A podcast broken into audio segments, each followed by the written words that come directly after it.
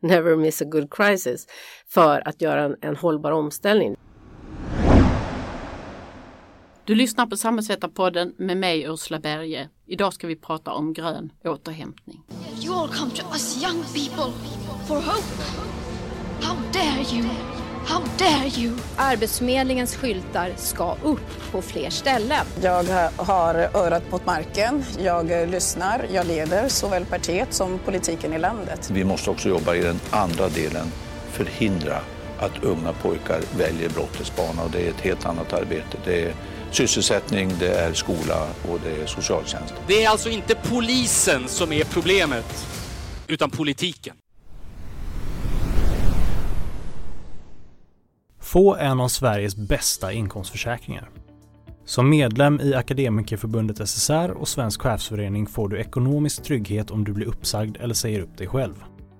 Inkomstförsäkringen ger dig upp till 80% av din ersättningsgrundande inkomst, upp till 100 000 kronor per månad i 140 dagar. Läs mer på akademssr.se.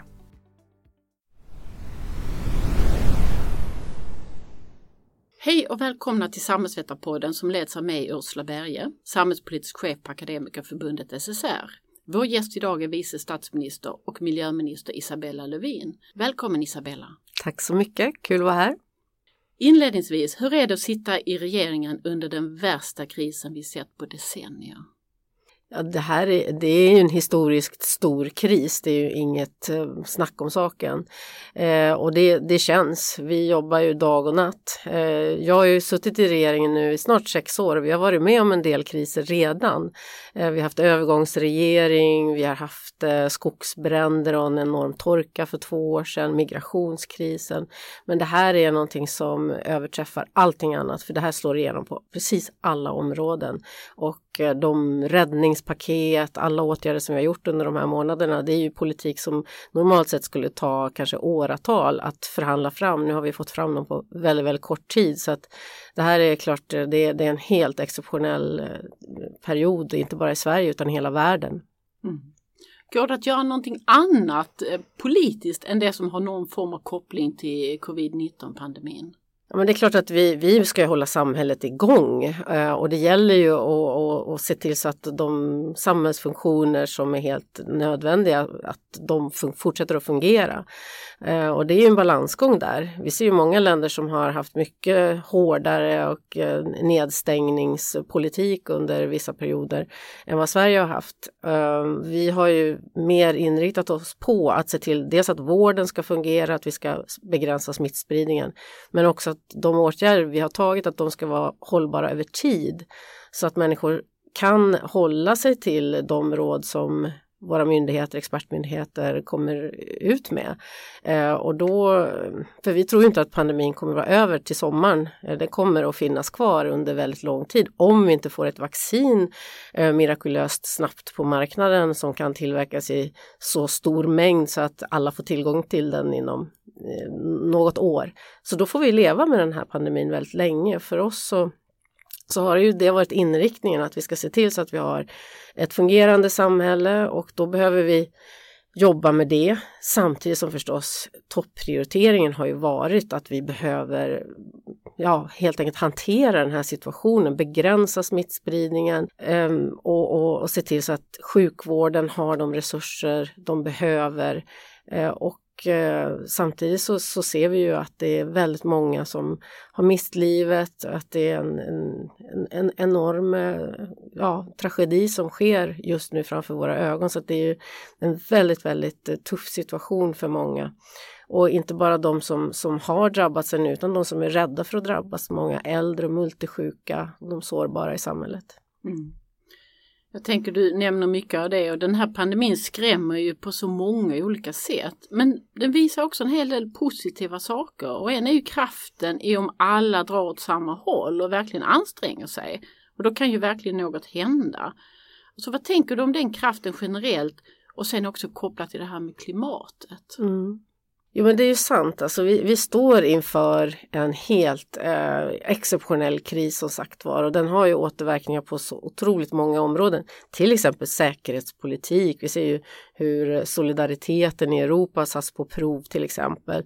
Man, man la ju exporthinder för eh, sjukvårdsmaterial, skyddsmaterial till andra EU-länder i början av pandemin det var inget bra betyg på europeisk solidaritet. Men samtidigt så ser vi också hur samhället faktiskt kan väldigt snabbt eh, stärka sin, sina funktioner och eh, att vi har en överkapacitet och haft i, i princip hela tiden i den svenska sjukvården. Det, det, är ju fantastiskt att man kan växla upp det arbetet så, så snabbt. Eh, sen tycker jag också det här med alla vill hjälpa till i en kris, det är också någonting väldigt positivt. Eh, och det är inte bara våra, våra myndigheter och, och liksom samhället, samhällsfunktioner som gör det, utan det är ju vanliga människor, civilsamhället, så många frivilliga som verkligen vill eh, se till så att vi klarar den här krisen så bra som möjligt och det finns ju väldigt kraft i det. Eh, och den, den känslan finns ju nu fortfarande, skulle jag säga, väldigt hög grad i Sverige, även om vi också ser en liten coronatrötthet kanske att följa de restriktioner som, som vi ändå behöver följa. Men jag tror att det här är en kris som gör att många tänker efter på det som vi har tagit för givet. Eh, att samhället ska fungera på ett visst sätt beroende av importvaror, eh, globala värdekedjor, eh, hur, ja, vår brist på, på beredskapslager, att vi är sårbara på, på väldigt många sätt och att ett virus som har uppstått i grunden på grund av ohållbar djurhållning och att vi också hotar biologisk mångfald och att eh, man har eh, osunda förhållanden helt enkelt för djur i många delar av världen. Risken för antibiotikaresistens den finns i allra högsta grad på grund av det industriella jordbruk vi ser även i, i Europa. Så att jag tror att här finns det också en öppning till att börja tänka att vi behöver ställa om våra samhällen till någonting mer hållbart, där vi är mindre sårbara. Och eh, nu har vi en pandemi, det är ett virus som har helt vänt upp och ner på hela världen kan man säga. Samtidigt så pågår ju en annan kris som är ännu farligare för oss och det är ju klimatkrisen. Eh, den har inte tagit paus. Även om vi ser att utsläppen kanske går ner lite grann, eller de går ner mycket men, men i det stora hela så är det ju inte mycket eh, om man jämför med all koldioxid som vi redan har släppt ut. Så det är ju, vore ju väldigt, väldigt eh, bortkastat om vi nu så, när vi ska bygga upp våra samhällen igen, eh, stärka våra ekonomier igen, om vi inte samtidigt gör en omställning bort från vårt beroende av fossila bränslen, att stödja en hållbar utveckling och en hållbar utveckling miljömässigt, det är ju också en socialt hållbar utveckling. Därför att klimatkrisen är inte bara någonting som drabbar isbjörnar. Det drabbar människor, det drabbar lantbrukare, jordbruk, vattentillgång och vi ser också de här fruktansvärda konsekvenserna utav torka och hetta i Australien för några månader sedan. Och det här är inte sista gången det drabbar ett land tyvärr. Mm. Känner du att den här insikten du beskriver om eh, vikten av eh, mer närproducerat hållbara kedjor, näringskedjor och så vidare, ett hållbar djurhållning och så vidare. Känner du att den sprider sig? Sprider den sig? Finns den hos politiker i ett bredare perspektiv? Finns den hos människor i allmänhet i ett bredare perspektiv? Eller är det någonting vi tror kommer när det här värsta klingar av? Ehm, jag tror att, det, att insikten finns ganska brett. Ehm, vi har ju redan, vi har ju väldigt bra grund att stå på i Sverige med det klimatarbete och miljöarbete som vi har jobbat med bra tag nu och det finns ett näringsliv inte minst som, som är med på tåget och som står bakom Sveriges mål på att vi ska vara ett fossilfritt välfärdsland. Nu med coronakrisen, då är det ju många som också är ute och säger internationellt att det här är en kris vi inte får missa. Alltså never miss a good crisis. För att göra en, en hållbar omställning. Det är ju allt ifrån FNs generalsekreterare till 18 av mina kollegor i, i EU-kretsen, inte alla dock, men eh, 18 stycken vi har skrivit under till ett upprop till EU-kommissionen att vi vill se the green deal, den gröna given som ska stå liksom i centrum för en återuppbyggnad och eh, återhämtning för EU. Därför att det gynnar ekonomin, det, ju, det, det gör hållbara arbetstillfällen. Sen så är det ju så viktigt att vi visar en vision också för vad som finns bortom den här krisen. Annars tror jag att vi löper en jättestor risk att få sociala spänningar eftersom krisen drabbar ju här och nu. Vi ser ju arbetslösheten växer i Sverige och över hela världen. Så om människor ska kunna ta sig igenom den krisen och känna att de är på väg någonstans till någonting bättre, då tror jag vi kan undvika social oro eh, ytterligare polarisering som är också ett jättestort hot mot demokratin. Att vi ser så starka spänningar i, inom Europa, i USA inte minst och hur ojämlikheten bara växer.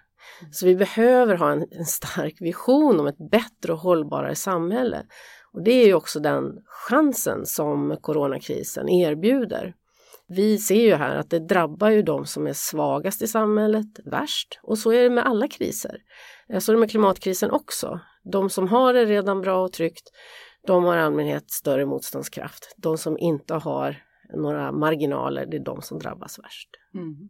Jag tänkte vi skulle ta en liten internationell utblick. Vad tänkte du när du såg de här bilderna, vilket du antagligen har sett över en blå himmel över New Delhi som stadsborna där inte har sett på väldigt länge. Mm. Och att man kan andas i Beijing. Mm. ja men det är klart att det, det, det är ju väldigt slående. Man kan se på nätet massor av små filmer av vilda djur som kommer in i storstäderna och ses omkring. Det liksom sker över hela planeten just nu. Det är ju ganska fascinerande. Jag tror inte man ska låta sig luras dock och tro att ja men åh, naturen återhämtar sig så här snabbt på en månad så kommer djuren tillbaka och himlen blir blå. Men däremot så visar det ju ändå hur stor inverkan som människorna, vi människor har på planeten. Det finns en annan bild som jag såg på Twitter som någon ifrån Punjab eh, la ut där man ser Himalaya, hela bergskedjan mot horisonten. Helt fantastiskt imponerande, som blånande berg mot himlen. Och det är första gången den här personen har sett att det ligger en bergskedja där borta, bortom liksom, horisonten.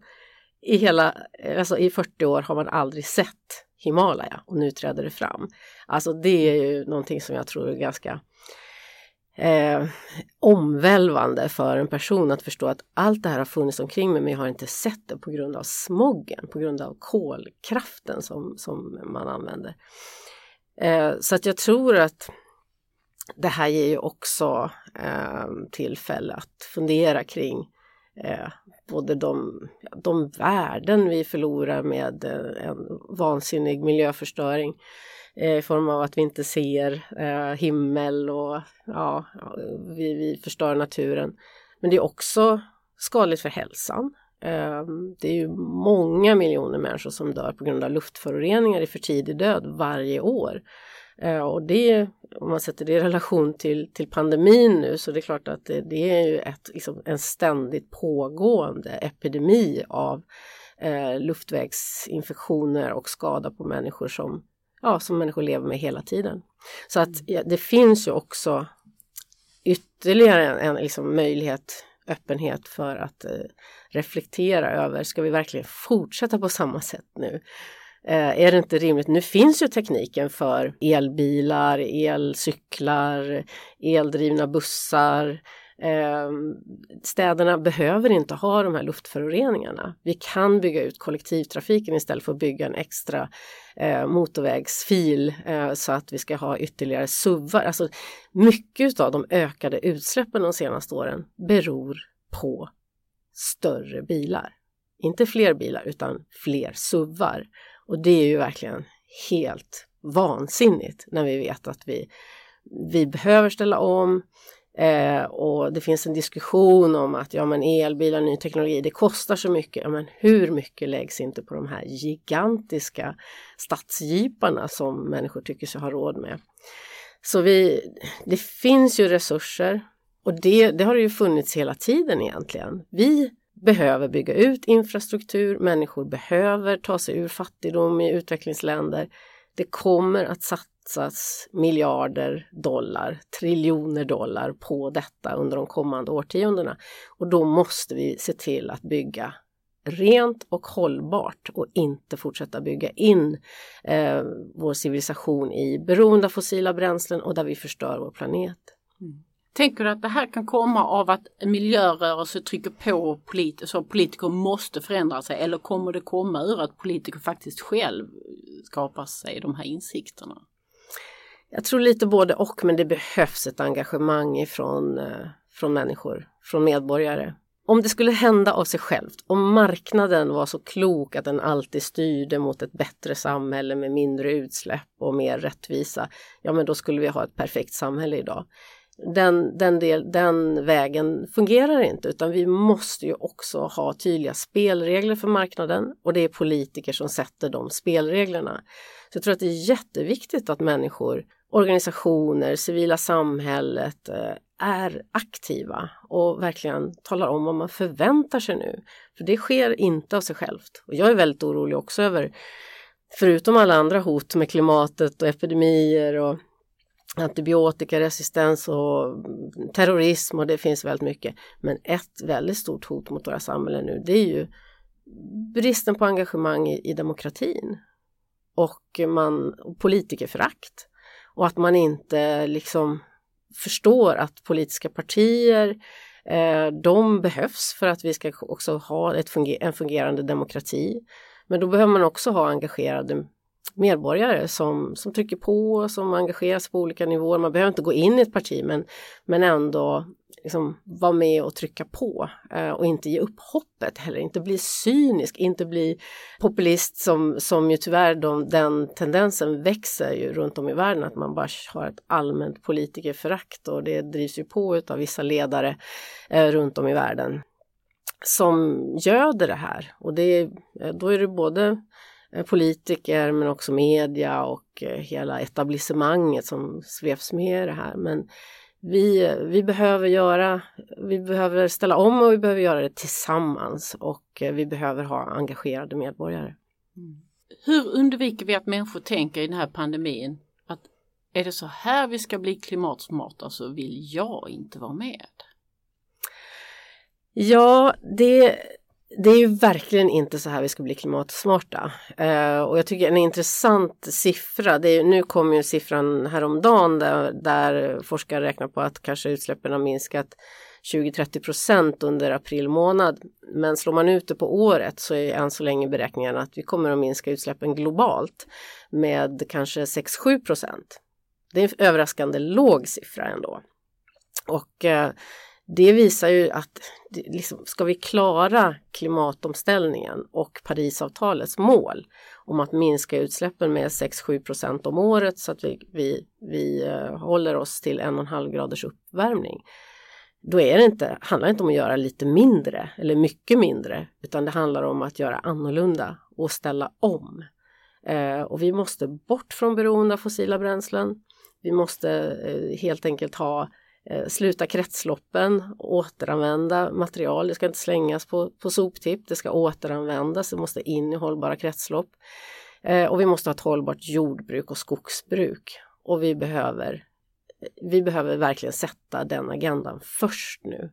För vi har inte råd med någonting annat. Mm.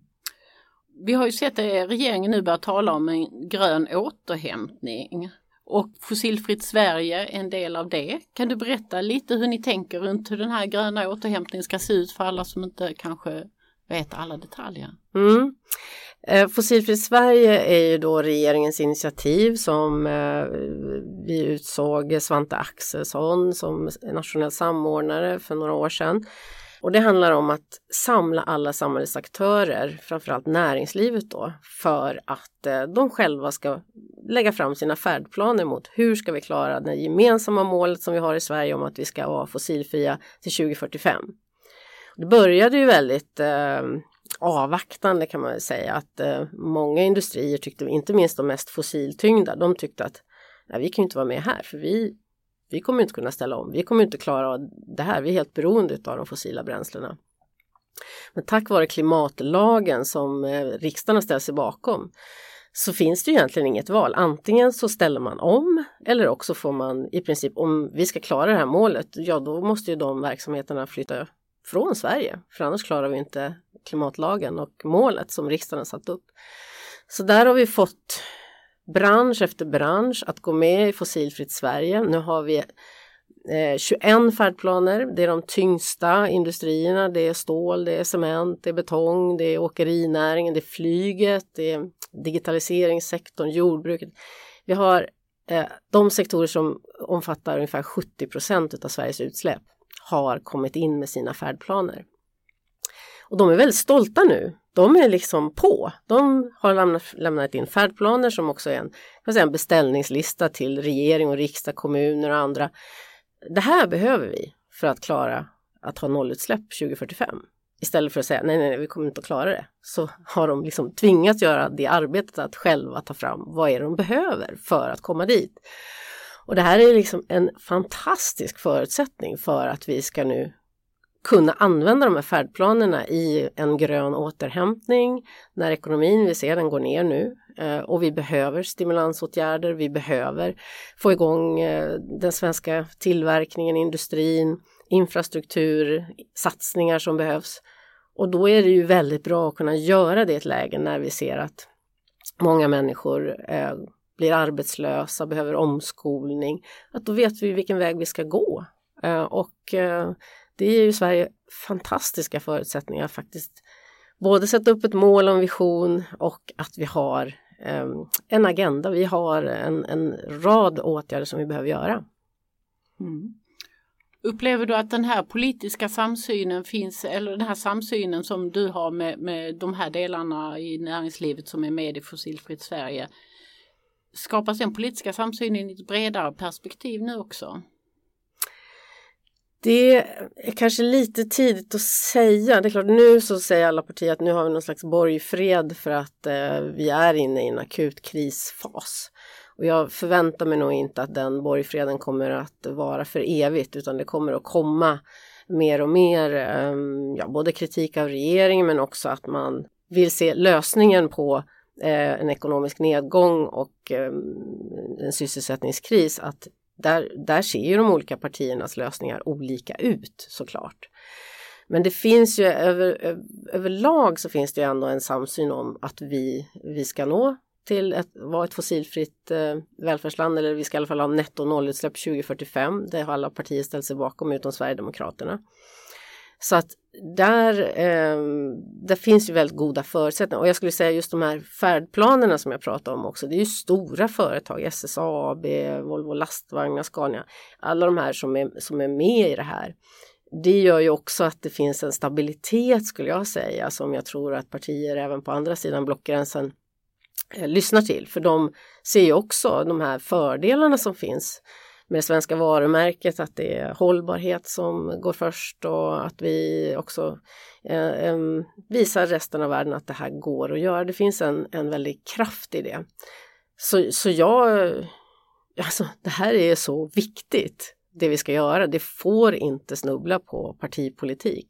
Mm. Eh, det, här, det är därför vi har klimatlagen, för vi behöver ha den här långa horisonten och ge investeringsmöjligheter och trygghet till stora investeringar som industrin gör. Industrin jobbar ju inte på fyra års cykler. De jobbar ju snarare på 20 eller 15 eller 20 eller 30 års cykler.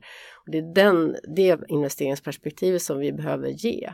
Nu pratar jag väldigt mycket om industrin, men industrin är ungefär en tredjedel av Sveriges utsläpp. Sen har vi transporterna en tredjedel och sen har vi jordbruk och bostäder och lite annat.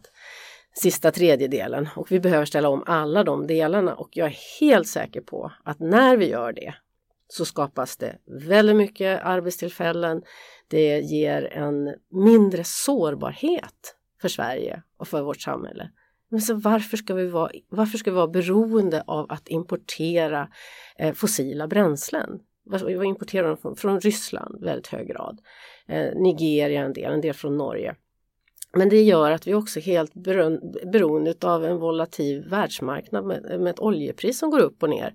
Helt plötsligt var det på, på minus och för något år sedan så var det uppe på 100 dollar fatet. Alltså det här är, ger ju inte stabila investeringsförutsättningar när vi nu har alla möjligheter att ha 100% förnybar ren el i Sverige.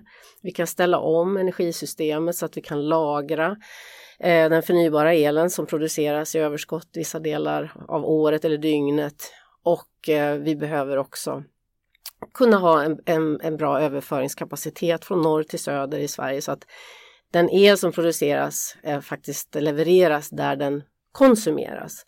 Och eh, det blir det är liksom nästa stora energikliv som Sverige behöver göra och det kan vi sätta igång med nu. Det, det finns alla förutsättningar för att göra det och då blir vi också mer självförsörjande och eh, det förbättrar våra förutsättningar på så många sätt. Är du inte rädd att när den här pandemin klingar av att folk är väldigt otåliga? Att tillbaka till jobbet, igång med fabrikerna, business as usual. Istället för det här långsiktiga som, som du beskriver. Jo, alltså det är självklart så att människor behöver ha ett jobb att gå till, man behöver ha en lön, man måste kunna betala räkningar, man måste ha någonstans att bo. Så att vi, vi behöver ju göra helt exceptionella insatser i, under den här övergångsperioden. För just nu så ser vi ju också att människor har blivit av med jobbet. Det är företag på företag som går i konkurs. Eh, och eh, det är flera sektorer som har en jättestor osäkerhet. Eh, och där behöver vi ju också se till så att det finns utbildning, omskolningsmöjligheter och att människor också hittar rätt till att komma in i, i nya branscher. Samtidigt så så har vi ju liksom en stor strukturomvandling som ändå låg och väntade kring digitalisering och det är mycket som, som förändras i ett samhälle och där behöver vi ju rusta människor till att ha en möjlighet att omskola sig och, och, och hela tiden utvecklas under ett, under ett arbetsliv. Sen har vi inte nämnt vården alls nu, men det är ju också en, en eh, tror jag, någonting som vi behöver utvärdera väldigt noggrant eh, efter den här pandemin och hur vi kan stärka, stärka upp vården, äldreomsorgen, kompetensförsörjningen, arbetsvillkoren för de som arbetar inom de här yrkena. Det är väldigt tufft men det är ju livsnödvändiga yrken. Eh, och jag tror att vi behöver se till så att man har bättre arbetsvillkor och bättre arbetsmiljö så att eh, till exempel sjuksköterskor stannar längre i yrket. Nu stannar man i genomsnitt 17 år. Det är ju inte klokt. Det är, det är liksom, arbetslivet är ju mycket, mycket längre än så. Eh, och vi har 12 000 sjuksköterskor som har lämnat vården. Eh, så att, hade vi haft dem i, i vården nu så skulle vi förmodligen ha en väldigt mycket högre kompetens och eh, Eh, de här frågorna som kring, eh, kring äldreomsorgen och hur det, ska, hur det ska eh, skötas på ett sätt som ger trygghet både för de som behöver vård och, och bättre arbetsmiljö. Där tror jag det finns väldigt mycket att göra. Så att eh, jag pratar ju väldigt mycket om grön omställning nu och du frågar mig om det, men det handlar ju också om den sociala biten och att vi naturligtvis måste se till så att vi har fungerande välfärdssystem också. Mm. Jag misstänker att när du nämnde de här siffrorna om hur mycket koldioxidutsläppen har minskat under den här pandemin så kanske du citerade en studie av Corinne Le Carré, kanske. Som, och hon säger, den kom idag i nyheterna eller kanske igår, och hon sa att den här effekten är inte det viktiga. Utan det är vilka åtgärder vi vidtar nu, framöver, som är det viktiga. Då tänker jag så här, ni har ju lagt väldigt, väldigt många stödmiljarder, hundratals miljarder på att eh, stoppa konkurser, eh, korttidspermitteringar och så vidare. Vad tänker ni att eh, pengarna används till sen, så att säga, nästa miljarder för att göra den här gröna omställningen? Hur, hur ser de investeringarna ut? Ja, det är sant, de här första eh, räddningspaketen som vi har gått ut med, dels har de varit historiskt stora men sen har de varit väldigt akuta. Eh, och det har ju inte varit eh, stöd som har varit villkorat till en grön omställning utan här har det handlat om att se till så att stora delar av det svenska näringslivet, företagen, att de ska klara den här mest akuta fasen och också kunna kunna anpassa sig och, och, ställa om. Nu vet vi inte hur lång den här akuta fasen är heller helt ärligt. Så att eh, vi, vi behöver ju följa, inte minst nu över sommaren där vi ser att eh, besöksnäringen är ju enormt drabbat och kultursektorn, idrottssektorn. Det är ju så många verksamheter i vårt land nu som ligger nere på grund av att ja, vi har förbud mot att ses mer än 50 personer på samma ställe kommersiellt och, eh, och vi måste hålla avstånd. Så vi behöver följa det och eh, sen kommer det ju snart, tror jag, eh, att börja förhandlas och pratas om hur ska vi bygga upp ekonomin igen. Eh, och då behöver vi också se när fler företag kommer att, att, att, behöva mer stöd så behöver vi också ge kanske mer styrning vart vi vill. Och där har vi ett gemensamt mål. Vi ska bli ett, eh, ett av världens första fossilfria välfärdsländer och då finns ju möjligheter också att med stödpaketen hjälpa till och styra i den riktningen. Så man kan villkora stöd framöver utifrån någon form av grönt perspektiv. Tänker du att det kan bli så? Ja, som miljöpartist så är det definitivt den politiken jag vill gå fram med och sen så det är klart vi är flera partier som ska förhandla och eh, vi har, den, vi har ju den inriktningen i regeringen att vi ska bli ett fossilfritt välfärdsland och eh, sen får vi se på detaljerna när vi, när vi eh, mer konkretiserar då olika det blir ju olika steg i det här. Det är ju dels det akuta, dels det som kanske gäller för nästa år, men sen handlar det också om en, en större eh, återuppbyggnadsplan som vi behöver göra både för Sverige och för EU. Mm. Kan, vi, kan vi då ändra det här mindsetet att efter den här pandemin kan man ju tycka att beredskapslager, sjuksköterskornas löner, skyddsutrustning, att det finns så mycket mycket vi måste investera i. Kan vi ändra, kan vi få det här mindsetet att det där kan vi investera i men också i det där andra? Kan man lyckas med det?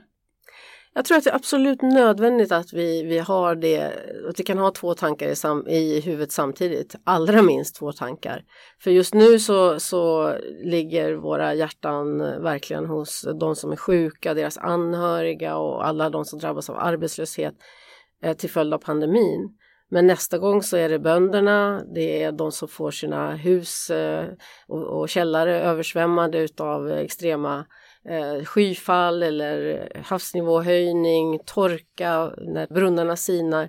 Alltså klimathotet är ett hot, inte mot bara mot insekter eller mot naturen eller isbjörnar. Det är ett hot mot oss, mot vårt samhälle. Och Sverige är inte immunt på något sätt för detta. Tvärtom så är det ju så att i vår del av världen så kommer temperaturhöjningen att gå ungefär dubbelt så snabbt som i resten av världen för att vi ligger längre norrut. Och det ser man ju redan idag i norra Sverige hur rennäringen har drabbats, hur eh, toppen på Kebnekaise har smält så att det, den, den ena toppen är inte längre den, den högsta utan eh, glaciärer försvinner, naturen förändras. Och det här påverkar ju förutsättningarna för odling. Ehm, jag vill inte måla upp några skräckscenarier men Eh, jag menar självklart så kommer det här kunna innebära att vi får invasiva arter som kan bli ut sig, som kan bli stora problem eh, för, för, för odling, för ja, det, det Sverige vi, vi känner. Och eh, det kommer ju också påverka människor i deras vardag. Så jag tror att det är så viktigt att vi kan tänka att vi behöver rusta oss, att vi absolut minimerar påverkan utav klimatet. Och det finns ett tillfälle att göra det nu. Vi kan lösa två kriser samtidigt. Vi kommer inte att lösa klimatkrisen men vi kan ändå åtminstone från svensk sida visa att så här kan man göra. Vi kan ställa om och det är också någonting som gynnar vår ekonomi och arbetstillfällen och det gör att vi blir mindre sårbara eh, för eh, globala kriser. Mm. Tänker du att om vi står här om 5-10 år att vi, eh, du kan säga att ja men pandemin då 2020 den var gräslig men den ledde till ett språng. Alltså att, eh, tänker du så? Ja, jag hoppas det. Jag hoppas det för vi har faktiskt ingen tid att, att förlora. Vi har ingen tid, alltså klockan är en minut i tolv vad det gäller klimatkrisen. vi kan inte nu först spendera tusentals miljarder på en återuppbyggnad till hur det var innan och sen ställa om till ett klimatsmart samhälle. Nej, vi måste göra det nu. Och vi har absolut ingenting att förlora på det. Alltså det här med att eh, där du, du var inne på det här med politikens roll, medborgarnas roll, civilsamhället. Eh, och det är ju faktiskt politiken som ger förutsättningarna, inte bara för näringslivet men också för forskning och utveckling. Om vi säger att, att så här är det, ja men då släpper man ju loss väldigt mycket tekniska lösningar, innovation, eh, skapar kraft, kreativitet. eh, som löser de problem som vi ser idag. Vi har fortfarande problem med hur vi ska, hur vi ska lagra eh, överskottet av förnybar el men det, det, det kommer att lösa sig om man har tydliga ramar för vart vi ska och det är ju politikens roll. Och där har ju politiken misslyckats miserabelt när det gäller till exempel utvecklingen av eh, personbilar. Alltså elbilar, eldrift. Den tekniken har ju funnits i ja, åtminstone 50 år. Men man har inte sagt att vi ska satsa på den. Man har istället låtit bilbolagen tillsammans med fossil, alltså bensinbolagen i en ohelig allians bestämma att det är den här tekniken vi ska köra på. Och det har lett till ja, närmast en global katastrof. Men det är för att det finns så starka ekonomiska intressen i oljeindustrin. Eh, säkerhetspolitiska intressen också. Men nu behöver vi sätta ner foten och säga det är slut med detta. Och en positiv sak med coronakrisen det är ju att eh, oljepriset har ju, alltså botten har ju gått ur Eh, och i och med att det är så låga priser nu så Eh, finns det till exempel inte investerings, eh, eh någon slags eh, ehm, profit i att borra olja till havs eller utvinna olja i Arktis eller någonting, det är alldeles för dyrt. Så förhoppningsvis så, så ser vi också en omrevidering hos en del oljebolag. Mm. Vi poddade förra året med Edith Lidberg och Eira Fröling från Fridays for Future. Eh, och vi gjorde den under den ambitiösa rubriken Vad kan facket göra för klimatet? Eh, och det var precis före den stora uppmaningen till generalstrejk i september förra året. Eh, och så tänkte jag, först tänkte jag fråga dig, kan vi komma tillbaka till det trycket Fridays for Future och Greta Thunberg skapade förra året? Kan, kan vi tillbaka till en sån för att, för att betona det här med hur folkrörelser och människors engagemang kanske egentligen är det viktigaste? Går det att komma tillbaka till det? Ja, det, är, det är en jättebra fråga. Jag hoppas verkligen att ingen har glömt Greta Thunberg och Fridays for Future för det har gjort sånt enormt intryck. Uh, och jag är, jag är verkligen otroligt imponerad över den rörelsen som, som men, har, har sån kraft.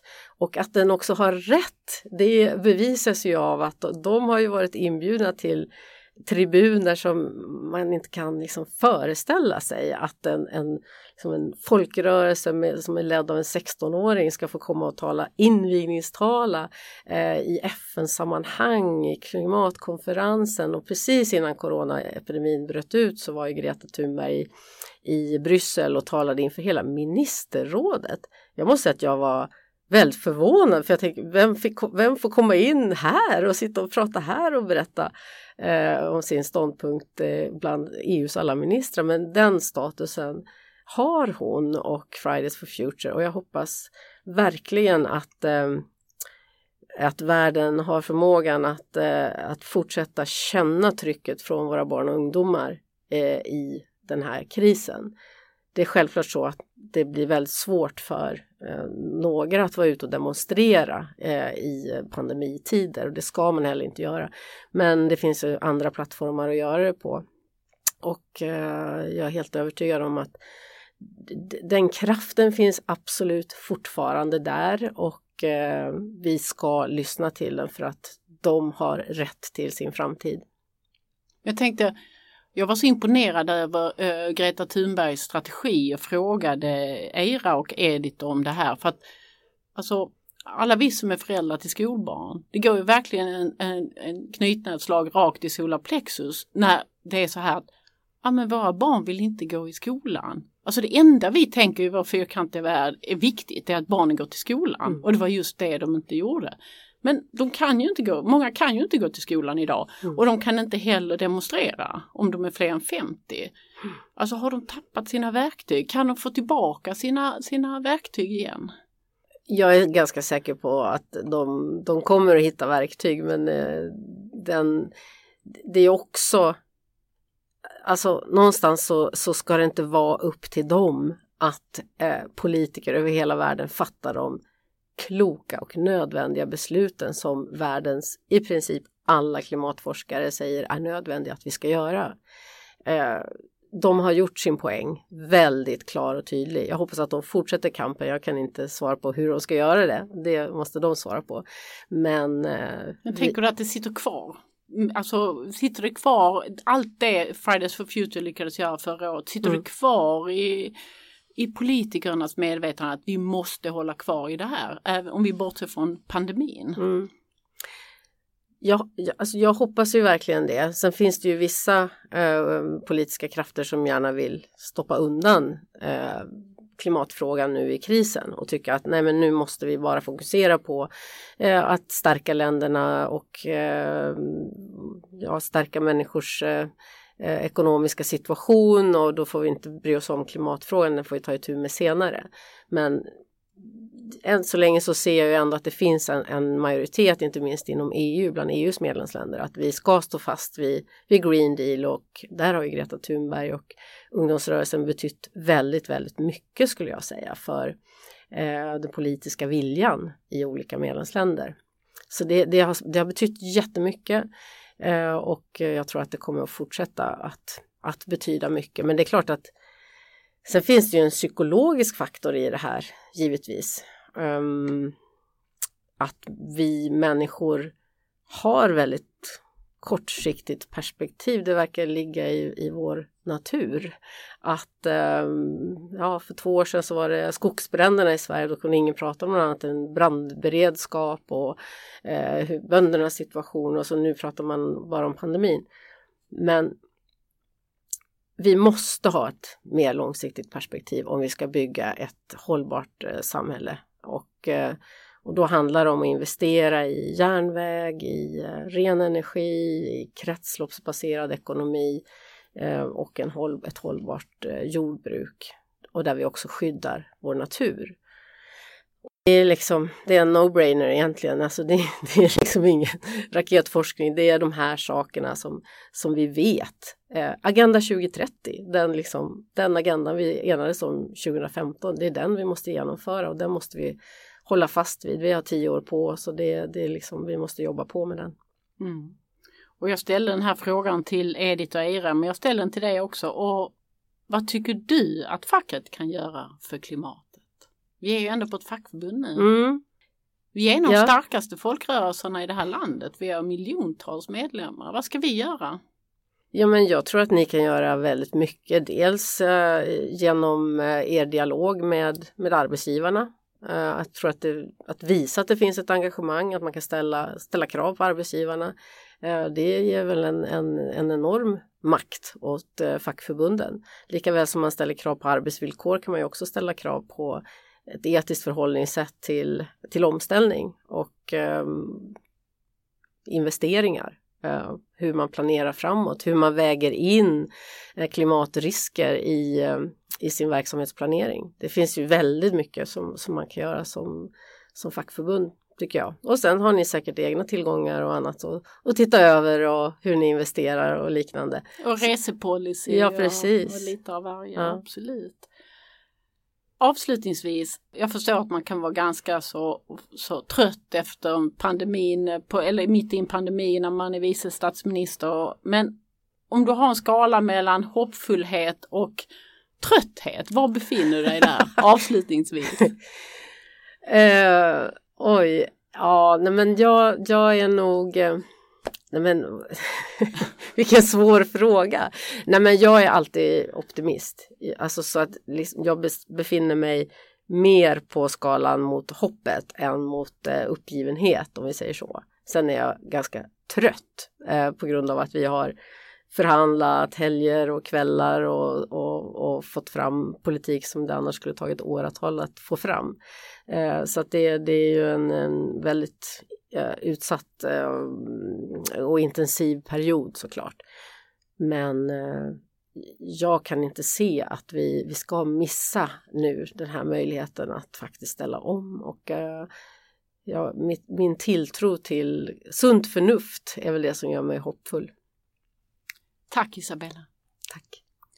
Det var allt från Samhällsvetarpodden den här veckan. Samhällsvetarpodden görs varannan vecka och fångar upp stora samhällspolitiska frågor. Du hittar oss där du hittar andra podcasts. Samhällsvetarpodden görs av Akademikerförbundet SSR, Sveriges ledande samhällsvetarförbund.